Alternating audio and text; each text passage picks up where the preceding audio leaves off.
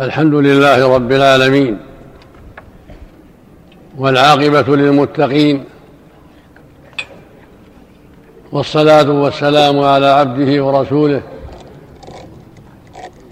وأمينه على وحيه وصفوته من خلقه نبينا وإمامنا وسيدنا محمد بن عبد الله وعلى آله وأصحابه ومن سلك سبيله واهتدى بهداه إلى يوم الدين. أما بعد فإني أشكر الله عز وجل على ما من به من هذا اللقاء في بيت من في بيت من بيوت الله عز وجل بإخوة في الله وأخوات في الله للتناصح والتواصي بالحق والدعوة إليه. أسأله جل وعلا أن يجعله لقاء مباركا وأن يصلح قلوبنا وأعمالنا جميعا وأن يهدينا صراطه مستقيم وأن يعيدنا وجميع المسلمين من شرور أنفسنا ومن سيئات أعمالنا. كما أسأله سبحانه أن ينصر دينه ويعلي كلمته وأن يوفق ولاة أمرنا لكل خير. ويصلح لهم البطانة وينصر بهم الحق ويشكر لهم مساعيهم الجليلة المباركة في دعم القضايا الإسلامية ونصر المسلمين في كل مكان ودعم المراكز والجمعيات الإسلامية في سائر المعمورة. كما أسأله جل وعلا أن يوفق جميع المسلمين لما فيه رضاه وأن يصلح أحوالهم ويمنحهم الفقه في الدين. كما أسأله عز وجل أن يصلح جميع ولاة أمر المسلمين وأن يمنحهم التوفيق لما فيه رضاه وأن يعينهم على تحكيم شريعته والتحاكم إليها وإلزام الشعوب بها لأن في تحكيم الشريعة صلاح أمر الدنيا والآخرة. وفي تحكيمها السعادة العاجلة والآجلة. وفي تحكيمها السعادة العاجلة والآجلة. نسأل الله للجميع التوفيق لما يرضيه والسلامة من أسباب غضبه. ثم أشكر إخواني القائمين على شؤون الحرس الوطني وعلى رأسهم صاحب السمو الملكي الأمير المكرم خالد بن عبد الله على هذه الدعوة وأسأله جل وعلا أن يوفق الجميع لما يرضيه وأن يعينهم على مهماتهم وأن ينصر بهم الحق ويبارك في جهودهم ويمنح الجميع الاستقامة على دينه والثبات عليه. إنه جل وعلا جواد كريم. أيها الإخوة في الله أيها المستمعون إن الله جل وعلا خلق الخلق لعباده وأمرهم بها على ألسنة الرسل عليهم الصلاة والسلام وفي كتابه عز وجل قال تعالى وما خلقت الجن والإنس إلا ليعبدون فالجميع خلقوا ليعبدوا الله جنهم وإنسهم ذكورهم وإناثهم عربهم وعجمهم أغنياؤهم وفقراؤهم حكامهم ومحكوموهم. كلهم خلقوا ليعبدوا الله. وعبادة الله هي طاعته.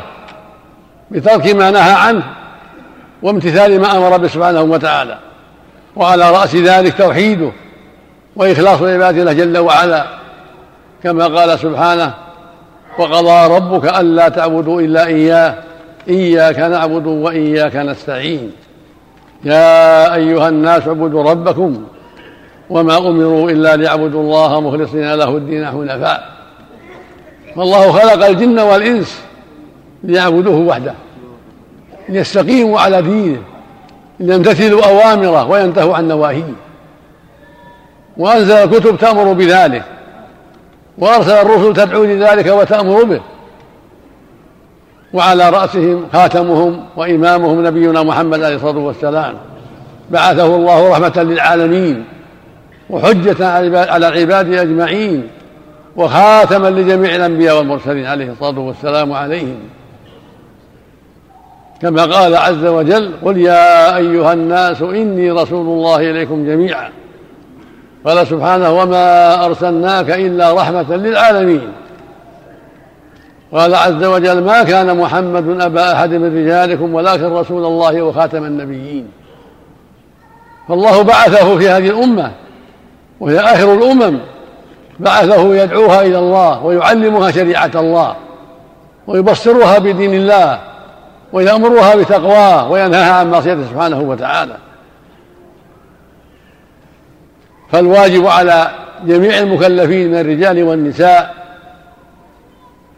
اتباع هذا الرسول العظيم عليه الصلاة والسلام والاستقامة على دينه وامتثال أوامره وترك نواهيه.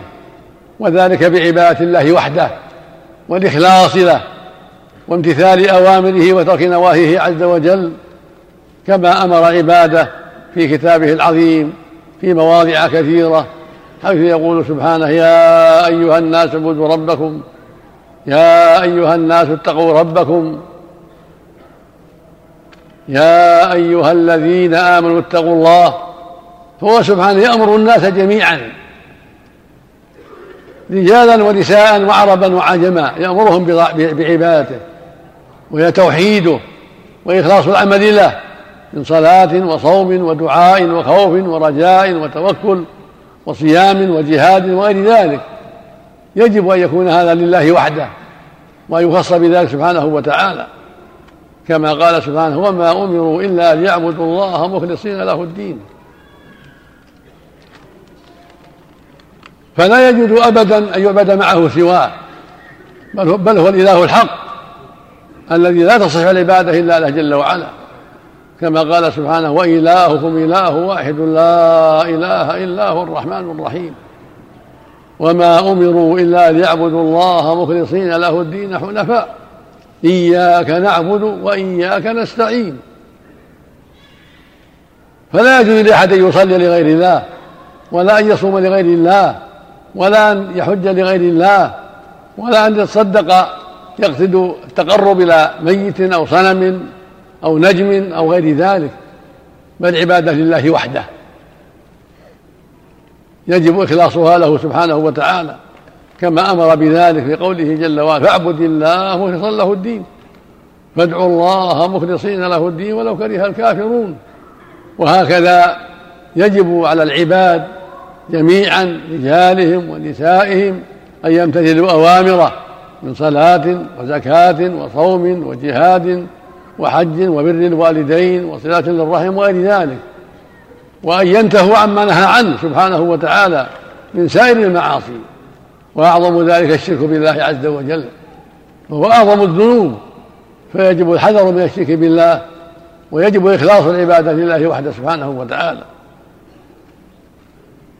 ويجب على المكلفين من الرجال والنساء التفقه في الدين والتعلم والتبصر حتى يكون المؤمن والمؤمنة على بصيرة حتى يعبد كل واحد منها ربه على بصيرة. كما قال النبي الكريم عليه الصلاة والسلام من يريد الله به خيرا يفقهه في الدين. من يريد الله به خيرا يفقهه في الدين. وقال عليه الصلاة والسلام من سلك طريقا يلتمس فيه علما سهل الله له به طريق الجنة. فالواجب على الرجال والنساء التفقه في الدين والتعلم والعناية بالقرآن وتدبر معانيه لأنه أصل كل خير وهو أصدق كتاب وأعظم كتاب وأشرف كتاب. فيجب تدبره وتعقله والعمل بما فيه. كما قال سبحانه إن هذا القرآن يهدي للتي هي أقوم. قال تعالى كتاب أنزلناه إليك مبارك ليدبروا آياته وليتذكر أولو الألباب. قال سبحانه وهذا كتاب أنزلناه مبارك فاتبعوه واتقوا لعلكم ترحمون. فعلى المؤمن وعلى المؤمنة العناية بالقرآن تدبر معانيه والإكثار من تلاوته والتفقه فيما دل عليه من أوامر ونواهي. حتى يمتثل المؤمن حتى يمتثل المؤمن أمر الله وحتى يستقيم على ما أوجبه عليه وحتى يدع ما الله ما نهاه الله عنه. وهكذا سنة الرسول صلى الله عليه وسلم تجب العناية بها وحفظ ما تيسر منها والتفقه فيها وعلى أهل العلم أن يعلموا وعلى العامة أن يتعلموا. على كل مسلم ومسلم أن يتعلم ويتفقه في الدين. وعلى أهل العلم أن يعلموا ويرشدوا ويوجهوا الناس إلى الخير. كما قال الله عز وجل ومن أحسن قولا ممن دعا إلى الله وعمل صالحا وقال إنني من المسلمين وقال سبحانه ادع إلى سبيل ربك بالحكمة وموعظة الحسنة وجادلهم بالتي أحسن وقال النبي الكريم عليه الصلاة والسلام خيركم من تعلم القرآن وعلمه.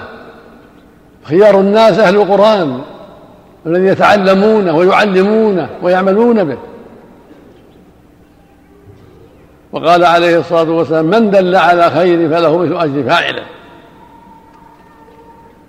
فليس للمؤمن ولا للمؤمنة التساهل في هذا الأمر. بل يجب التعلم والتفقه في الدين من طريق المشافهة من طريق المكاتبة من طريق الهاتف سماع الدروس الدينية التي تنشر وتذاع من طريق الإذاعة ومن طريق الصحافة ومن طريق الكتب النافعة المفيدة.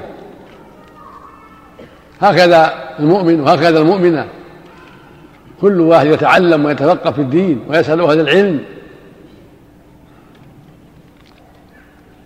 والله جل وعلا بين أخلاق المؤمنين والمؤمنات في كتابه العظيم فعلى القائد المسلم والجندي المسلم أن يستقيم على أخلاق المؤمنين وصفاتهم لأنها هي أسباب النصر هي أسباب التمكن من جهاد الأعداء هي أسباب النصر عليهم هي أسباب العاقبة الحميدة. فعلى كل مسلم ومسلمة العناية بالأخلاق التي أمر الله بها ومدح أهلها والتمسك بها والسير عليها. وهكذا قادة المسلمين وجنود المسلمين عليهم أن يتخلقوا بالأخلاق الإيمانية والصفات التي أثنى الله على أهلها ومدحهم بها لأنها الأخلاق التي ينصر بها المؤمنون. ويعانون بها على عدوهم. وهي الأخلاق التي كان عليها الرسول صلى الله عليه وسلم. قال تعالى وإنك لعلى خلق عظيم. قالت عائشة رضي الله عنها كان خلقه القرآن عليه الصلاة والسلام. يعني كان يتدبر القرآن ويعمل بما فيه. وهكذا يجب على القائد المسلم وعلى الجندي المسلم أن يعنى بالقرآن. وأن يتدبره وأن يعمل بما فيه وأن يتخلق بالأخلاق التي مدح بها المؤمنين وأثنى عليهم بها وأن يحذر الأخلاق والأعمال التي ذم الله أهلها وعابهم. وبذلك ينصر المسلمون على أعدائهم ويفوزون بالسعادة والعاقبة الحميدة كما قال جل وعلا ولقد سبقت كلمتنا لعبادنا المرسلين إنهم لهم المنصورون وإن جندنا لهم الغالبون. وقال عز وجل يا أيها الذين آمنوا إن تنصروا الله ينصركم ويثبت أقدامكم. ونصر الله باتباع شريعته وتعظيم أمره ونهيه والاستقامة على دينه. هذا هو نصر الله. ومن نصر الله نصره الله على عدوه وعلى نفسه وعلى شيطانه. يا أيها الذين آمنوا إن تنصروا الله يعني بتوحيده والإخلاص له وطاعة أوامره وترك نواهيه ينصركم ينصركم على أعدائكم وعلى أنفسكم الأمارة بالسوء وعلى الشيطان من شياطين الإنس والجن. وقال تعالى ولا ينصرن الله من ينصره إن الله لقوي عزيز. الذين إن مكناهم في الأرض أقاموا الصلاة وآتوا الزكاة وأمروا بالمعروف ونهوا عن المنكر. هؤلاء هم المنصورون. هم جند الله. هم من ينصرهم الله لأنهم نصروا دينه. فأمروا بالمعروف ونهوا عن المنكر وأقاموا الصلاة وآتوا الزكاة واستقاموا على الحق. فهؤلاء هم جد الله. وهم أنصاره وقال تعالى وكان حقا علينا نصر المؤمنين. فالمؤمن هو الذي أطاع الله ورسوله هو الذي استقام على دين الله من الرجال والنساء. والملوك والرؤساء والقادة والجنود هؤلاء هم المؤمنون الذي وعدهم الله بالنصر وجعلهم السابقين للخيرات. وأخبر أنهم جن أنهم جنده وحزبه وذلك بطاعتهم لله وقيامهم بحقه ونصرهم لدينه وتركهم ما نهى عنه سبحانه وتعالى.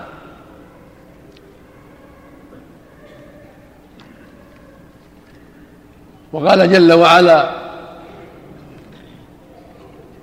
والمؤمنون والمؤمنات بعضهم أولياء بعض. يامرون بالمعروف وينهون عن المنكر ويقيمون الصلاة ويؤتون الزكاة ويطيعون الله ورسوله. أولئك سيرحمهم الله. إن الله عزيز حكيم. هؤلاء هم جند الله. هؤلاء هم أولياؤه من الرجال والنساء. وهم أهل النصر والعاقبة الحميدة. هذه صفاتهم وهذه أخلاقهم والمؤمنون والمؤمنات بعضهم أولياء بعض. أولياء ليسوا أعداء ولا ولا خصوما ولكنهم أولياء متحابون في الله متعاونون بالبر والتقوى متواصون بالحق والصبر عليه. لا يغتب بعضهم بعضا ولا يسب بعضهم بعضا ولا يظلم بعضهم بعضا لا في نفس ولا في مال ولا في عرض. ولا يكذب بعضهم على بعض ولا يشهد عليه بالزور إلى غير ذلك من الأخلاق التي نهى الله عنها. فهم أولياء متحابون في الله متواصون بالحق والصبر عليه متعاون بالبر والتقوى أينما كانوا.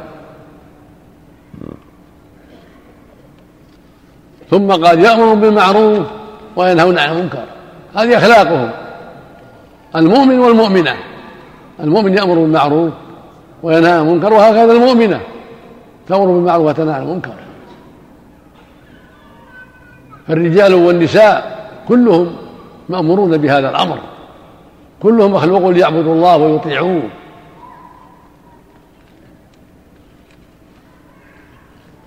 ولهذا قال عز وجل هنا والمؤمنون والمؤمنات بعضهم أولياء بعض. يأمر بالمعروف وينهون عن المنكر. فإذا رأى المؤمن من أخيه في الله أو أخته في الله زوجة أو أم أو أخت أو غيرهم أمر بالمعروف ونهى عن المنكر. وهكذا المرأة المؤمنة تأمر بالمعروف. أخاها وزوجها وأباها وابنها وجيرانها ومن ترى أنه مقصر تأمر بالمعروف وتنهى عن المنكر. بالطريقة الشرعية بالكلام الطيب بالأسلوب الحسن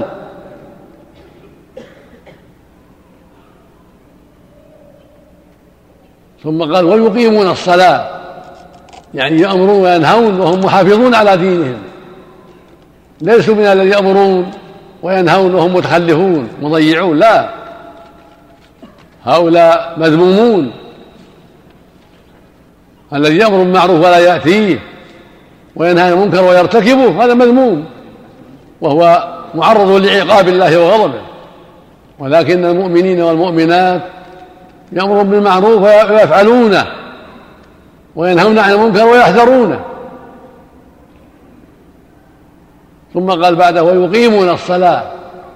يعني يقيمونها كما أمر الله ويحافظون عليها. الرجل يقيمها في بيوت الله كما أمر الله والمرأة تقيمها في بيتها كما أمر الله في أوقاتها ويخشعون فيها لله. كما قال سبحانه قد أفلح المؤمنون الذين هم في صلاتهم خاشعون. وهم يؤدونها عن إيمان وعن إخلاص وعن خشوع وطمأنينة وإقبال عليها وإكمال لها وإقامة لها.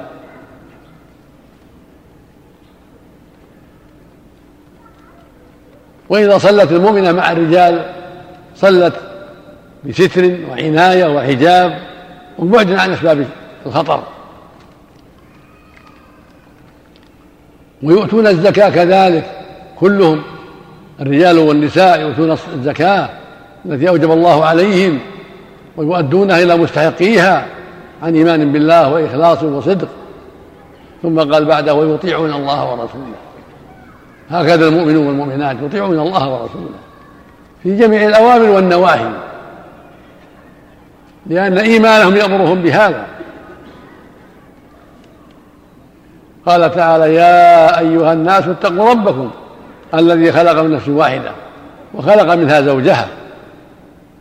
نفس واحدة آدم خلق منها زوجها أمنا حواء خلقها الله من أبينا آدم. وبث منهما رجالا كثيرا ونساء. واتقوا الله الذي تسالون والأرحام انك إن الله كان عليكم رقيبا. قال تعالى يا أيها الناس إنا خلقناكم من ذكر وأنثى وجعلناكم شعوبا وقبائل لتعارفوا.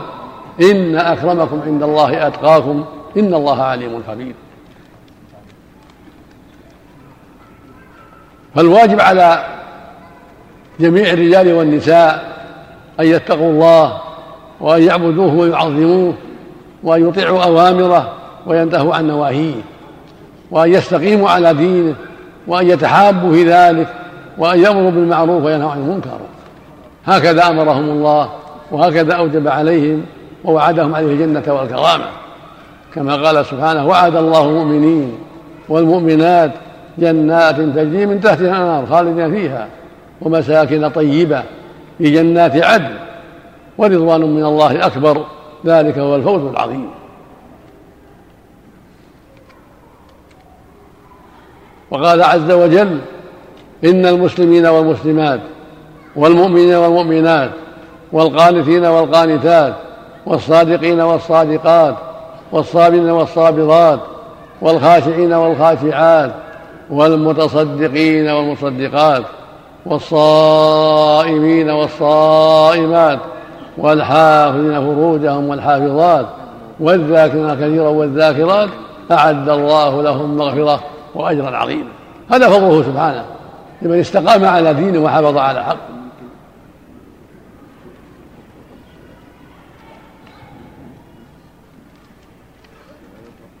ومن ومما ينبغي التنبه له والعناية هو أن يحاسب المؤمن نفسه وهكذا المؤمنة لا يغفل يحاسب نفسه. ماذا فعل؟ ماذا قصر فيه؟ هل أدى الواجب؟ هل جاهد نفسه لله؟ هل استقام على دين الله؟ هل حافظ على حق الله؟ هل اقترف شيئا من معاصي الله؟ يحاسب نفسه. وهكذا المؤمنة تحاسب نفسها. تنظر. ماذا قصرت فيه؟ ماذا فعلت؟ فإذا علم المؤمن والمؤمنة أنه ترك شيئا ما وجب الله عليه أو فعل شيئا ما حرم الله عليه بادر بالتوبة بادر بالإصلاح كما قال تعالى يا أيها الذين آمنوا اتقوا الله ولتنظر نفس ما قدمت لغد واتقوا الله إن الله خبير بما تعملون. فأمرهم سبحانه ينظروا ماذا قدموا للآخرة ماذا فعلوا. فالغفلة شرها عظيم وعاقبتها وخيمة فالواجب الانتباه والحذر والمحاسبة للنفس فالمؤمن يخلو بنفسه يجاهدها يحاسبها والمؤمنة كذلك تحاسب نفسها ماذا فعلت؟ ماذا قصرت فيه؟ هل حافظت على الصلوات كما أمر الله؟ هل أدت الزكاة كما أمر الله؟ هل أدت حق زوجها؟ هل برت والديها؟ وهكذا الرجل يحاسب نفسه. هل أدى حق الله الواجب عليه؟ هل جاهد نفسه لله؟ هل تباعد عن معاصي الله؟ يحاسب نفسه. والمؤمنة تحاسب نفسها. ومتى عرف أنه قصر في شيء من مما أوجب الله عليه بادر بالتوبة بادر بالإصلاح والله يتوب على التائب سبحانه وتعالى. كما قال عز وجل وتوبوا إلى الله جميعا أيها المؤمنون لعلكم تفلحون. ويقول النبي الكريم عليه الصلاة والسلام في الحديث الصحيح من رأى منكم منكرا فليغيره بيده فإن لم يستطع فبلسانه فإن لم يستطع بقلبه وذلك أضعف الإيمان. ويقول عليه الصلاة والسلام مثل ما بعثني الله من الهدى والعلم كمثل غيث أصاب أرضا فكانت منها طائفة طيبة قبلت الماء فأنبتت الكلى والعشب الكثير. وكانت منها أجادب أمسكت الماء فنفع الله به الناس فشربوا وسقوا وزرعوا. وأصاب طائفة أخرى إنما هي قيعان لا تمسك ماء ولا تنبت كلاء. فذلك مثل من فقه في دين الله ونفعه ما بعثني الله به فعلم وعلم. ومثل من لم يرفع بذلك رأسا ولم يقبل هدى الله الذي أرسلت به. هكذا الناس. ثلاث طبقات. طبقة تفقهوا في الدين وتبصروا وتعلموا وعلموا الناس وفقهوا الناس هم أشرف الأقسام. وطائفة حملوا العلم وتعلموا واستفادوا ونقلوه إلى الناس حتى تعلم الناس منهم وحتى استفادوا منهم. وطائفة ثالثة لم تلتفت إلى العلم ولم تفقه في دين الله ولم تنظر في ما خلقت له بل أعرضت عن ذلك وتابعت الهوى والشيطان فهؤلاء هم الهالكون نعوذ بالله من ذلك. فالواجب على كل مكلف أن ينتبه لما خلق له وأن يحاسب نفسه ويعلم أنه مسؤول عما قدم كما قال عز وجل هو ربك لنسألنهم أجمعين عما كانوا يعملون. فليحاسب نفسه ما دام في المهلة ما دام لم ينزل به الأجل فليحاسب نفسه وليتقي ربه حتى يؤدي ما أوجب الله عليه وحتى يدع ما حرم الله عليه وحتى يقف عند حدود الله وعليه يتفقه في دينه ويسأل عما أشكل عليه يسأل أهل العلم عما أشكل عليه وعلى العالم وطالب العلم أن ينشر العلم وأن يعلم الناس أينما كان وأن يحرص على تبليغ دعوة الله وعلى تعليم الجاهل وإرشاده إلى ما خلق له من طاعة الله ورسوله.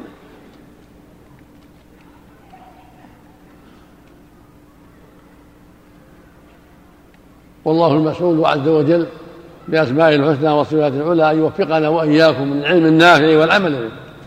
وأن يرزقنا وإياكم الاستقامة على دينه والثبات عليه وأن يعيذنا وإياكم من شرور أنفسنا ومن سيئات أعمالنا وأن ينصر دينه ويعلي كلمته وأن يصلح أحوال المسلمين ويولي عليهم خيارهم ويصلح قادتهم وأن يعيذنا جميعا من أسباب غضبه ومن مضلات الفتن. إنه ولي ذلك والقادر عليه وصلى الله وسلم وبارك على عبده ورسوله نبينا محمد وعلى آله وأصحابه وأتباعه بإحسان.